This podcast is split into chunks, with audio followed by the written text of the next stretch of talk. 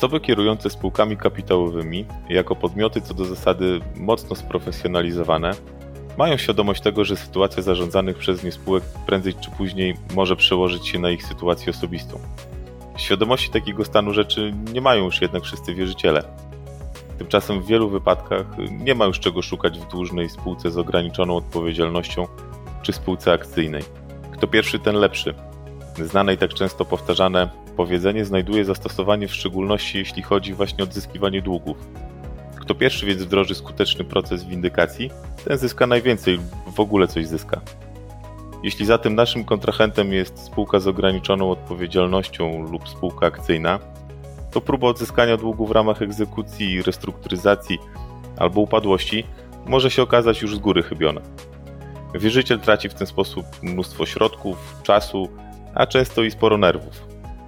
Te same zaś środki i czas można w przypadku dłużników będących spółkami kapitałowymi spożytkować nieco inaczej. Chodzi o to, aby roszczenia związane z niezapłaconym długiem zamiast do spółki skierować do osoby, która pełniła funkcję członka zarządu. Spraw dotyczących tej materii, podobnie jak każdej innej zresztą, nie można zaszufladkować w kategoriach prostych czy trudnych. Wszystko zależy od tego, jak ukształtowany jest stan faktyczny i ilość ewentualnych problemów prawnych lub dowodowych. W każdej jednak z tego typu spraw kluczowe jest poszukiwanie, ustalenie i ocena pewnych okoliczności. Dopiero one dają podstawę do oceny, czy, a jeśli tak, to jakie ewentualnie wierzyciel ma szansę na wygranie procesu, e, ale też i spieniężenie wyroku. Dlaczego warto korzystać z możliwości pociągnięcia członka zarządu spółki kapitałowej do odpowiedzialności majątkowej? Co wierzyciel powinien mieć na uwadze, oceniając swoje szanse na wygranie procesu sądowego? Oraz jakie ryzyka mogą zniweczyć jego powództwo? Postaram się przybliżyć w dzisiejszym odcinku podcastu. Zwrócę też uwagę na kilka aspektów procesowych związanych z prowadzeniem tego typu sporów. Nazywam się Artur Przestrzelski i wykonuję zawód adwokata w Kancelarii Prawnej Gajewski, Traszczyńska i Wspólnicy z siedzibą w Olsztynie. Zapraszam do odsłuchania odcinka. Prawo w firmie. Porady prawne dla przedsiębiorców. Na podcast zaprasza sieć Kancelarie RP.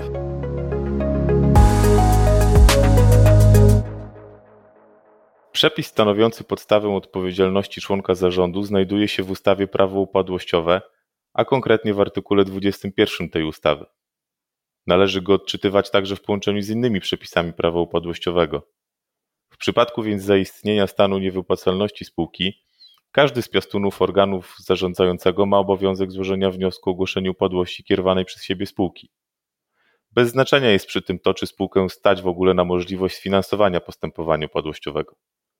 Obowiązek złożenia wniosku o ogłoszenie upadłości powstaje w każdym przypadku, gdy spółka stanie się niewypłacalna. To jest, kiedy utraciła zdolność do wykonywania swoich wymagalnych zobowiązań pieniężnych. Spółka kapitałowa jest także niewypłacalna wtedy, kiedy zobowiązania pieniężne przekraczają wartość jej majątku i taki stan rzeczy utrzymuje się przez okres przekraczający dwa lata. Jest to jednak pewne uproszczenie na potrzeby dzisiejszego tematu.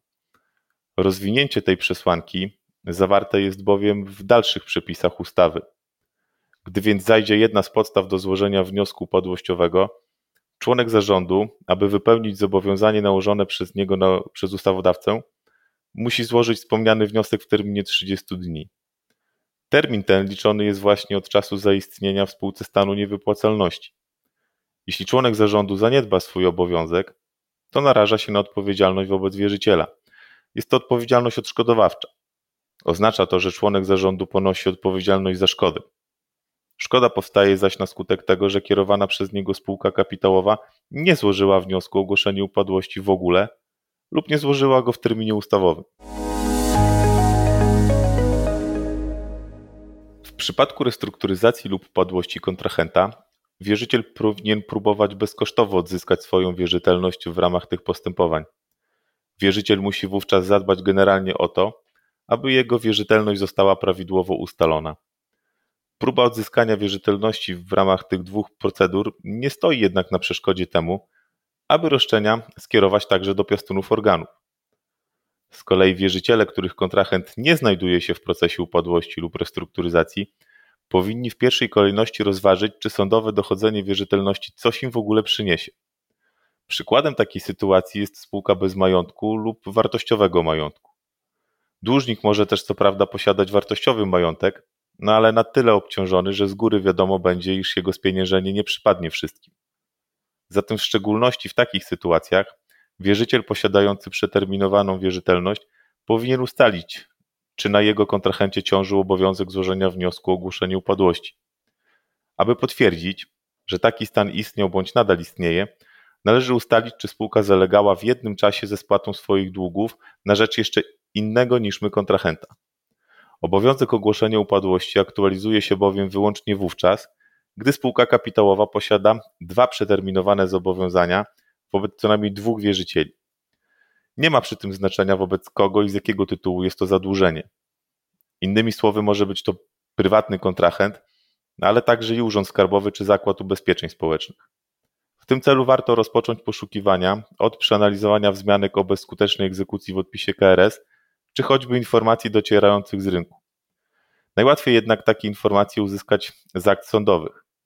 Jednakże dotyczy to tylko dłużników będących w restrukturyzacji lub upadłości.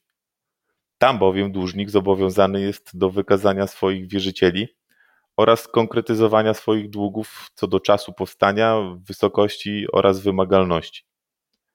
To wówczas w oparciu o niemal gotowe informacje wierzyciel może w najłatwiejszy sposób ustalić, czy a jeśli tak, to kiedy członek zarządu powinien złożyć wniosek o ogłoszenie upadłości i czy obowiązkowi temu podołał zgodnie z prawem.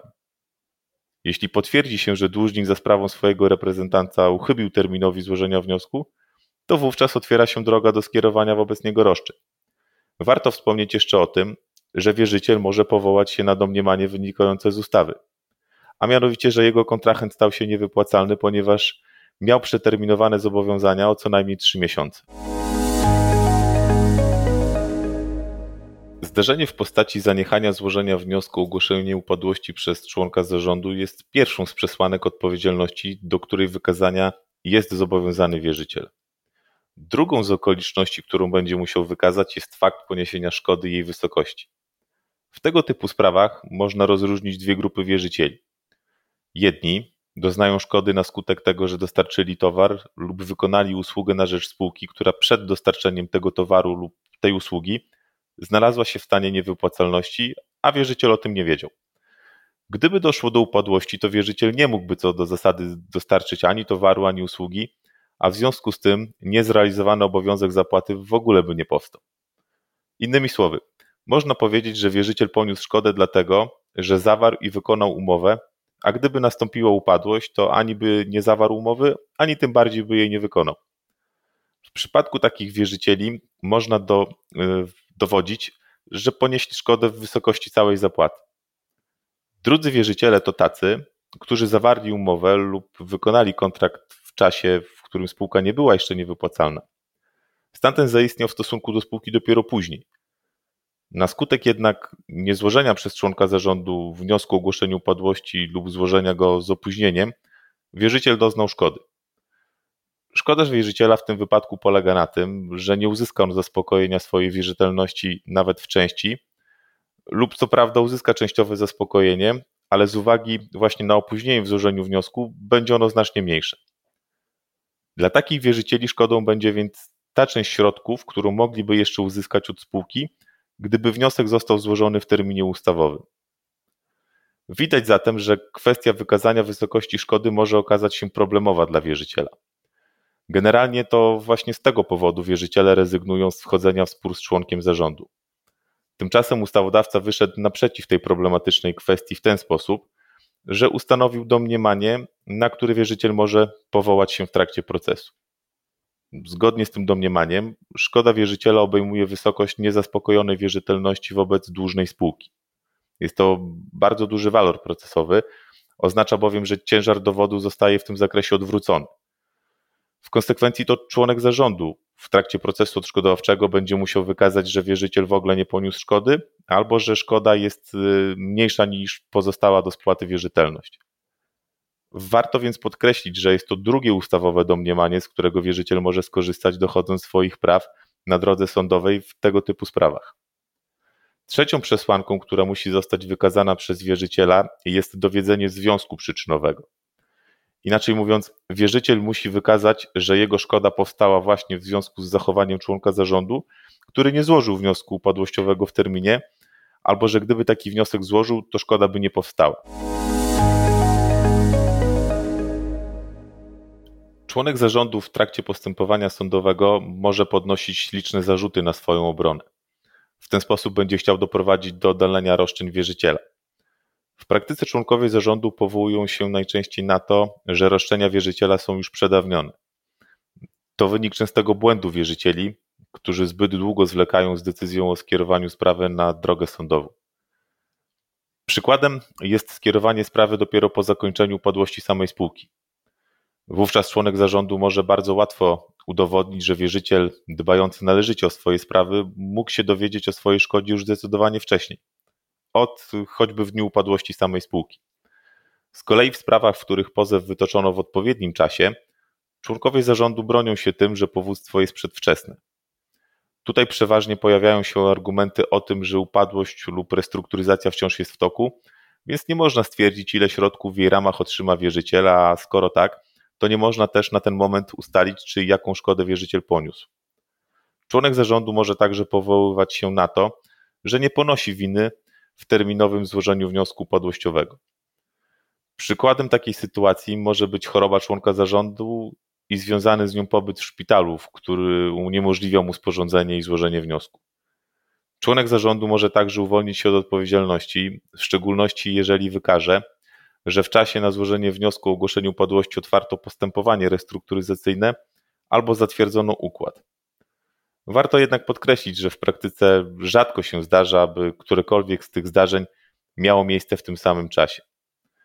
Członek zarządu w trakcie procesu może także starać się obalić domniemanie niewypłacalności spółki związane z ponad trzymiesięcznym przeterminowaniem długu i w ten sposób doprowadzić do oddalenia powództwa. Wierzyciele w każdym wypadku powinni jak najszybciej kierować swoją uwagę na osoby z zarządu spółek kapitałowych, zawsze wtedy, kiedy nie są w stanie uzyskać zaspokojenia swoich roszczeń od dłużnika. Ważny jest tutaj czas. Upadłość lub restrukturyzację to procesy długotrwałe, w których bierze udział liczna grupa wierzycieli. Wystarczy, aby kilku z nich wystąpiło ze swoimi roszczeniami do członka zarządu wcześniej i wierzyciel ponownie znajdzie się w punkcie wyjścia. Z tego względu ważne jest szybkie zgromadzenie informacji o dłużnej spółce, ich przetworzenie oraz podjęcie na tej podstawie decyzji o wystąpieniu z roszczeniami. Niemniej ważne jest także ustalenie ryzyk, które mogą się pojawić i ich kalkulacja, to znaczy na ile, w jakim zakresie mogą wpłynąć na samą decyzję o wystąpieniu z roszczeniem lub kwotą, którą należy określić mianem spornej. Praktyka pokazuje, że w tego typu sprawach podjęcie ryzyka jest opłacalne i wierzyciele, którzy na taki krok się decydują pierwsi, otrzymują w końcu wyrównanie uszczerbku i to wraz z odsetkami. Ci, którzy idą następnie w ich ślady po, zdaje się, przetartym szlaku, takiego komfortu koniec końców nie mają. Warto więc podjąć kolejne lub dodatkowe ryzyko, a z pewnością taką opcję zawsze trzeba świadomie rozważyć. Bardzo dziękuję za uwagę. Słuchaj więcej na stronie podcasty.rp.pl. Szukaj Rzeczpospolite Audycje w serwisach streamingowych.